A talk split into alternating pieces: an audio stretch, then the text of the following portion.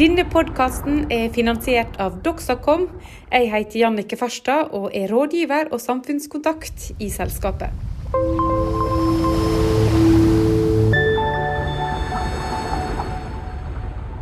Historia om Norge, det er ei fortelling om havet, og akkurat nå så skaper oss som lever i dag, neste kapittel.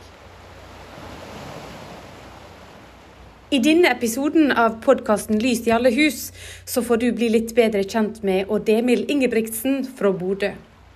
13.3 i år, altså i 2020, ble han Norges fiskeri- og sjømatminister.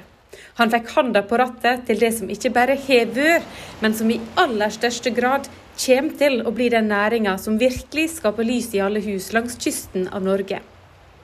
Det er jo veldig hektisk å begynne en ny jobb for uh, hvem som helst. Og så blir det jo ekstra hektisk å begynne en sånn spesiell jobb som det her. Og når du får korona med i tillegg da, på toppen, som er en helt utrolig spesiell situasjon. da. Så det har vært eh, hektisk på en måte som jeg aldri har opplevd før. Men jeg har alltid jobba mye gjennom hele livet, så jeg har skrevet litt med det er første gang i livet jeg har bare én jobb.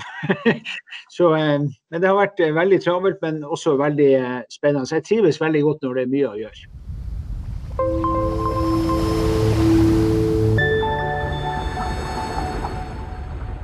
Tenk at oss henter 70% av inntektene våre fra havet.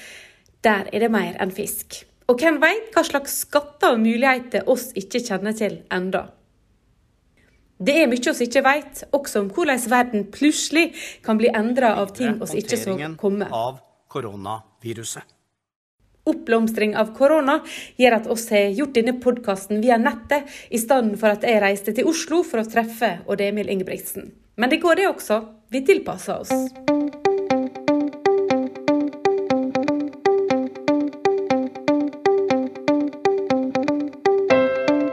I dag så har det vært statsråd, og så har det vært før og etter det så har det vært diverse møter. Det, dagene er fylt opp med møter av forskjellige aktører eller interessenter i næringa som har forskjellige saker de gjerne vil ha en løsning på. da. Vi er jo opptatt av å få frihandelsavtale med både Storbritannia og Kina. Mange er utålmodige. Er det noe spesielt du er opptatt av å få til akkurat nå? Altså, jeg, jeg, er utrolig nok, Det høres kanskje kjedelig ut, for noe, men jeg syns det er utrolig artig med næringsvirksomhet. Det at folk tjener penger og gjør det godt. Skaper arbeidsplasser. sånn at det, hver dag, Jeg brenner virkelig for det. så det er Hver eneste dag så er jeg opptatt av å prøve å bidra til at uh, fiskeri- og sjømatnæringa kan utvikle seg videre. Og så er det utrolig artig å treffe så mye flinke stå-på-folk rundt omkring, for det er det virkelig mange av innenfor fisk og sjømat. Altså. Men så er det også da ofte konkrete handlinger som må til for at folk skal tjene penger. Og hva er det du er opptatt av å, å få til akkurat nå? Nei, altså Jeg ønsker jo å få til mer aktivitet. altså Mer enn noen gang så trenger jo Norge å få flere private arbeidsplasser. Hvorfor det? Jo, fordi at nå har vi en veldig stor andel, 65% av bruttonasjonalprodukt nå er offentlige. Det er litt spesielt også at man måtte ha brukt mye offentlige penger for å dempe de verste skadevirkningene eh, i korona. da.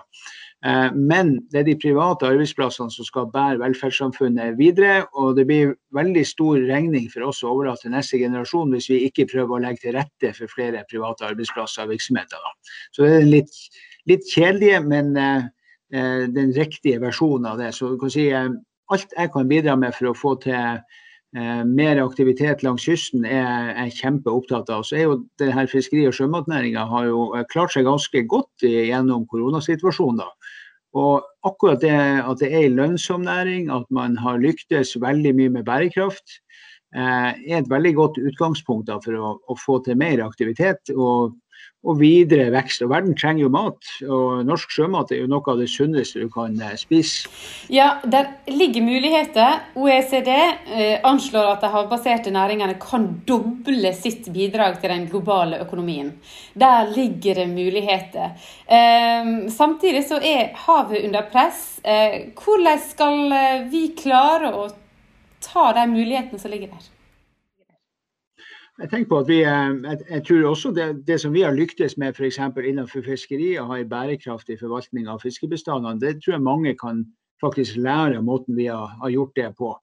Eh, at, vi, at, det også er fisk og fisk til neste år. og det er jo, Vi baserer jo alt på kunnskap og vitenskap, og, og satser veldig mye på f.eks. Marin forskning de siste årene. Eh, veldig store bevilgninger til det. Eh, og innenfor havbruk så dreier det seg om å knekke en del av de bærekraftsutfordringene på lus og slam og utslipp fra oppdrettsanleggene for å kan vokse videre. Og ikke minst også bli mer selvforsynt med med fôr. Eh, vi importerer jo veldig mye av bestanddelene av laksefôret til, til, Norge. Da. Så det å knekke den koden, så det foregår også mye spennende forskning på. da. Så eh, eh, Bærekraft er jo et veldig sånn omfattende begrep. Det handler jo både om miljø, men så handler det også om, om lønnsomhet over tid. For det er også viktig at de her bedriftene er lønnsomme og kan utvikle seg og investere videre. Men eh, hvordan er interessen din for det som skjer nede på kaia i Bodø og her i Ålesund? Og, og den, eh, ja, den, kulturen og det næringslivet som er knyttet til havet? Alle fra eh, Nord-Norge og sikkert alle også langs kysten eh, som har vokst opp der, har jo noen i familien som enten har vært fisker eller holdt på med Det gjelder jo meg òg, ikke sant. Så jeg, jeg er ikke noen sånn ekspert på på reguleringene innenfor fiskeri. Jeg har lært ganske mye i det siste. men eh, så jeg, jeg skjønner jo betydninga og vet jo betydninga av fiskeriet og etter hvert også sjømata for eh, kysten vår. Eh, jeg vokste opp på sild og potet og og eh, og litt til dels dårlig hvalkjøtt. Og av og til en søndag så hadde vi eh, oksesmåsteik. Da. Men det er bra stor forskjell på det vi spiser i dag og det vi spiste da jeg vokste opp. Det høres ut som det forrige århundre, da. Men, eh, så, men jeg kan mye om verdiskapning og jobber mye eh, gjennom livet. Faktisk alltid i skjæringspunktet mellom politikk og næringsliv. For jeg har sittet 24 år i kommunestyret i Bodø og alltid drevet egen bedrift eller andres bedrifter. Så det er en del sånne ting. Det å drive bedrift er, det er mange likhetstrekk i alle bransjer. Og så er det noen særegenheter. Og det syns jeg er veldig flott med fiskeri og sjømat, er jo at det er jo eh, Verden trenger jo denne maten. Det har noe eh, flott over seg. og pluss at fiskerinæringa er nå blitt ei lønnsom næring. Folk som er fiskere er stolte av å være fisker. For første gang i historien har vi venteliste for å komme inn på fiske- og fangstlinjene i videregående. Det har aldri skjedd før. Eh, og det er jo blitt en attraktiv næring også for unge folk. Og så er det jo høye lønninger. I Nordland i fjor så var det 840 000 i snittinntekt på en fisker, og det er jo godt betalt. Men da er det forhåpentligvis jobber til denne gjengen som driver og utdanner seg til eh, å jobbe i denne næringa. Ja, vi skulle gjerne ha sett noen flere lærlingplasser i, eh, i fiskeflåten også, men det kommer nok. Mm. Jeg traff jo deg her i Ålesund for noen par uker siden. Da får du som en propell rundt omkring på masse bedrifter i løpet av to dager. Um, får du reist litt rundt? Vi har reist veldig mye rundt og prioritert. Så jeg var på mitt første sånn, offisielle besøk så var vi på Austevoll i slutten av mai. og og så har vi fått egentlig langs hele kysten. Eh, vi har jo ikke rekt overalt, for det er ganske mange å besøke. Men eh, vi har, synes vi har fått gjort mye og truffet mye folk. Og så er det veldig viktig for meg å komme ut og, og få hilse på de som gjør en utrolig viktig samfunnskritisk jobb med å produsere sunn og bra mat. Og jeg har jo oppdaga at det er mange av de som, eh, som egentlig ikke har fått den rosen de fortjener. Så de, jeg tror de setter veldig pris på at de kommer ut og er interessert, og også at jeg på vegne av regjeringa sier tusen takk for den jobben de gjør. For det betyr veldig mye. Eh, det ser man kanskje ikke når man bare holder på med sin bedrift, men, eh, men, det er utrolig mange sånne samfunnsbyggere langs kysten som ikke bare investerer i bedriften sin, men de er med å bygge sitt lokalsamfunn og, og bidrar veldig rundt omkring. Og så er det stor overvekt av familiebedrifter også. Både kjempestore og, og mindre. Eh, men de er, jeg har selv vokst opp i familiebedrift, så jeg har et stort hjerte for det. Og det lokale norske eierskapet er kjempeviktig at vi heier på. Ja, jeg så lista over bedrifter du eh, besøkte. Jeg så du bl.a. var hos Nordnes med en som heter Tormund Grimstad, som jeg har og sett mye fotball med, for vi er gutter som er, spiller på samme lag. Og der tror jeg aldri jeg har hørt nok, han snakke om noe annet enn fiskeri, lidenskap for eh, både eh, bedrifter og det å få en ny generasjon inn i, i fiskerinæringa. Møter du mye av den lidenskapen som jeg, jeg ser i han? Jeg må jo si at eh, Han, han jobber jo også med noe som er generelt for alle foreldre i Norge. og det er jo altså med det han gjør for de ungdommene som kanskje ikke er så flinke på skolen, men som er utrolig flinke å bøte trål eller garn. Eh, og det at de får den følelsen av å lykkes med noe, og, og så går videre kanskje og, og, og ror båt osv., det var en stor opplevelse for meg. For det er noe alle foreldre ønsker for sine unger, at de skal mestre noe lykkes med noe. Så jeg må si at jeg var mektig imponert over den eh, innsatsen som han gjorde i forhold til de ungdommene som eh, av forskjellige grunner ikke passa inn i det vanlige skolesystemet. Mm. Men som han har knekt en kode på. Det var utrolig artig, altså.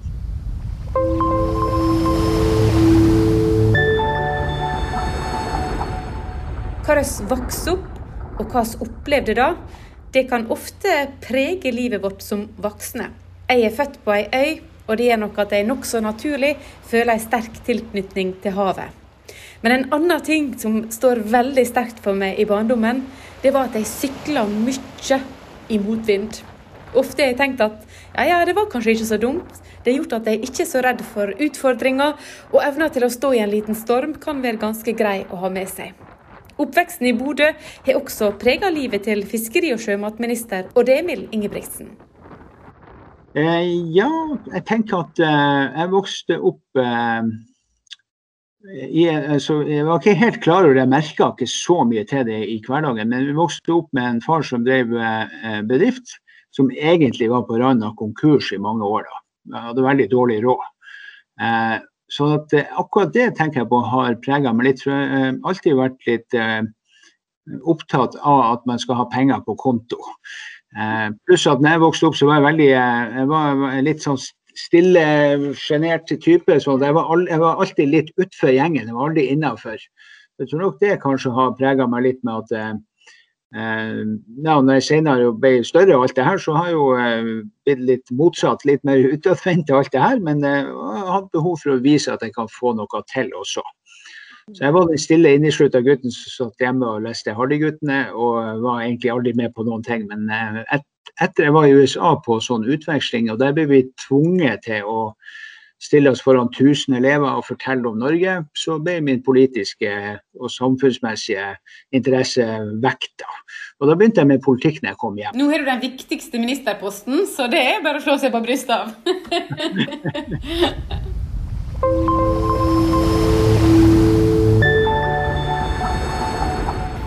har du mest lyst til å bli huska for?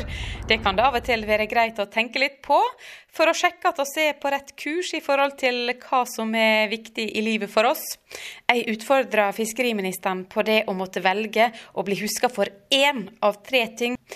Enten nummer én god økonomi, han styrte skuta slik at han sikra velferdsstaten, fikk i gang nye næringer to levende samfunn langs hele kysten, altså at nedlagde bruk ble levende igjen mens han var fiskeri- og sjømatminister. Eller nummer tre redde mangfoldet i naturen og havet, altså et sterkt miljøengasjement. Nei, det, det, er jo som du sier, det er jo nesten umulig å velge én ut av dem, for alle tre er jo uh, utrolig viktige.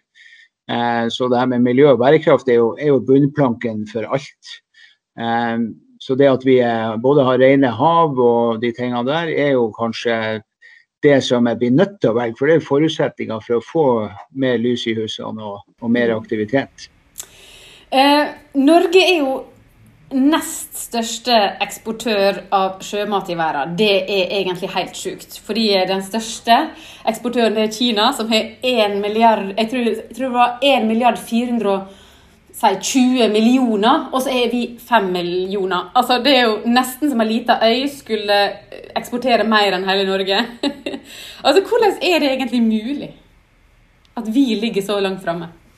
Nei, vi har vært flinke og, og, Punkt én så har vi vært flinke å skaffe oss markedsadgang. Så kan man jo si at uh, mange er jo uh, litt sånn usikre på den EØS-avtalen, men det er jo en bauta og en forutsetning for vårt viktigste marked at vi er rett og slett få lov å selge produkter, altså sjømaten og fisken vår, inn til Europa.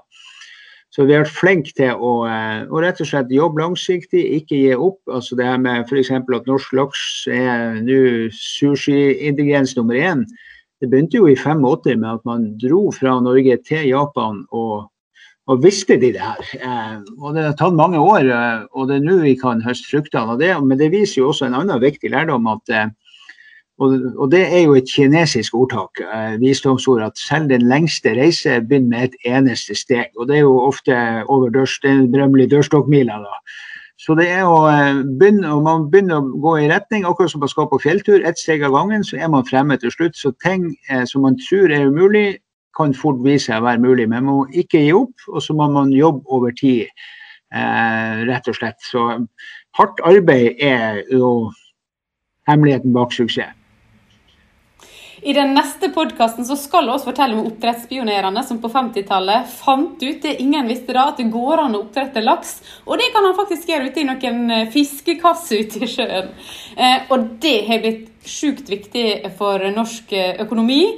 Og i havstrategien så står det at det anslått et potensial for en seksdobling av omsetninga i marine næringer fram mot 2050 vi, kan, vi får ikke større kvote. Det må skje i en næring som f.eks. oppdrett og selvfølgelig mye annet. Eh, hvordan kan det være mulig å øke så mye når vi ser hvor store problemene er i dag? Ja, Hvis du går 25 år tilbake i tid, så ble det produsert ca. 50 000-60 000 tonn laks i Norge eh, på et helt år. Og Hvis man for 25 år siden hadde sagt at om 25 år så skal vi produsere 1,3 millioner tonn, så ville ingen ha sagt at det var mulig den gangen. Og Så er det det som er situasjonen i dag. og det, Når vi da skal se fremover, så kan vi tenke at eh, Og da er jo det en 25-dobling på 25 år. En helt utrolig reise på produksjon av laks. Og nå snakker vi om en fem-seks-femdobling er det vel eh, i 2030. Eh, eller 2050 er det vel. Eh, og det tror jeg er fullt mulig å få til. Men det forutsetter jo at vi klarer å løse noen bærekraftsmessige utfordringer på lus og, og slam fra oppdrettsanlegg og sånne type ting. Og det er så mye flinke folk som jobber med løsninger rundt det her, at jeg tror vi blir å få det til. Eh, også at historien har vist oss at eh, umulige ting kan bli mulig. Da. Eh, nå er det mange som prøver seg på land. Det skal vi også fortelle en historie om. Mange søknader har du på bordet ditt på det, og det er det også mange som prøver på ute i verden. Eh, hvor tror, viktig tror du det blir? Nei, Jeg tror egentlig oppdrettsnæringa blir, blir nok å vokse langs eh, flere akser. Eh, også til land og eh, det kystnære tror jeg det kan være muligheter å få Eh, mer vekst på også, forutsatt at man løser noen av de bærekraftsmessige utfordringene. og Da vil man igjen kanskje ha mulighet til å få mer, mer areal og lokaliteter tilgjengelig. Og Så er det jo eh, oppdretten langt til havs eh, som nå er i emning. Og I tillegg så har du jo nye arter som f.eks. torsk. Det som blir viktig, det er å finne gode spilleregler for forskjellig næringsvirksomhet til havs, både kystnært og lenger ut. Eh, og nå har jo eh, kommunene fått eh, en produksjonsavgift som, som er basert på hvert kilo produsert sløyd laks i sin kommune. og Det gjør at kommunene også får et større incitament for å legge til rette for den type næringsvirksomheter. Og får en lokal ringvirkning av det. Så jeg tror den nye innretninga på havbruksfond og produksjonsavgift er veldig bra. Det gir stabile, forutsigbare inntekter til havbrukskommunene, pluss at også storsamfunnet får litt, sånn at de kommunene som ikke har noe, kan også få en andel av den eh, verdiskapinga som skjer. Men altså, Oppdrettsnæringa blir viktig. Fiskeri blir viktig. Kanskje det å, for, å, foredle mer i Norge, utnytte bedre fisken. Eh, men så er jo det også sånn med olje eh, at det visste vi jo heller ikke var på bunnen på 60-tallet. Altså, det kom jo plutselig. Det kan ligge ting der som ikke vi vet, som blir ekstremt viktig framover. Er det ting som du syns er veldig spennende? Ja, jeg er veldig fascinert av uh, både nye muligheter, det har alltid vært. Uh, har veldig tro på å fokusere på muligheter istedenfor problemene. Uh, de vil alltid være der uansett. sånn at det ligger helt sikkert altså En del av arbeidsplassene om ti år de, de, de, klarer ikke vi å forestille oss i dag. det viser jo også historien oss mange eksempler på. da.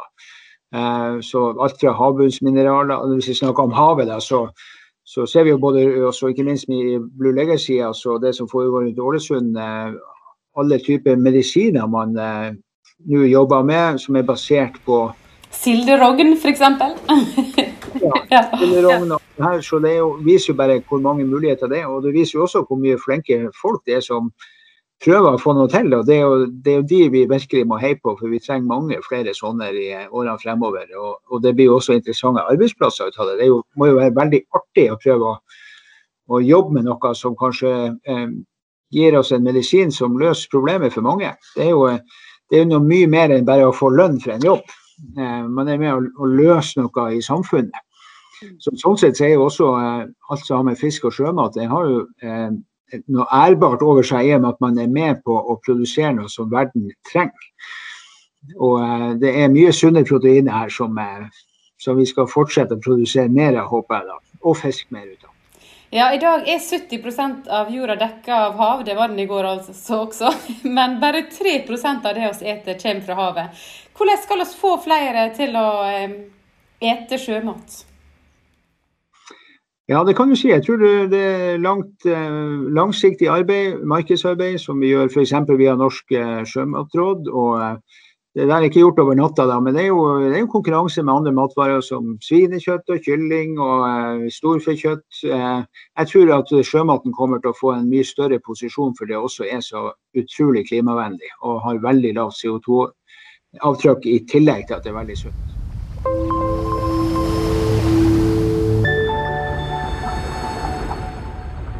Det var et møte med fiskeri- og sjømatminister Odd Emil Ingebrigtsen. I det neste programmet skal vi tilbake i tid, og skal møte oppdrettspionerer som oppdaga det ingen visste da, at laks er en fisk man kan drive oppdrett av. Det hele starta med en ganske sprø idé, som eh, reporter Arne Gressdal sier i dette NRK-programmet, som vi henter fra arkivet. Av og til møter vi også himmelstormerne, de som tumler med veldige planer, som vil nå det uoppnåelige og gå på tvers av alt godtek og vedtek. En slik kar kom i det herrens år 1954 til Sunnmørsbygda Sykkylven, kalla sammen til Olmannamøte i ungdomshuset, steg opp på talerstolen og forkynte sin idé for sykkelvingene.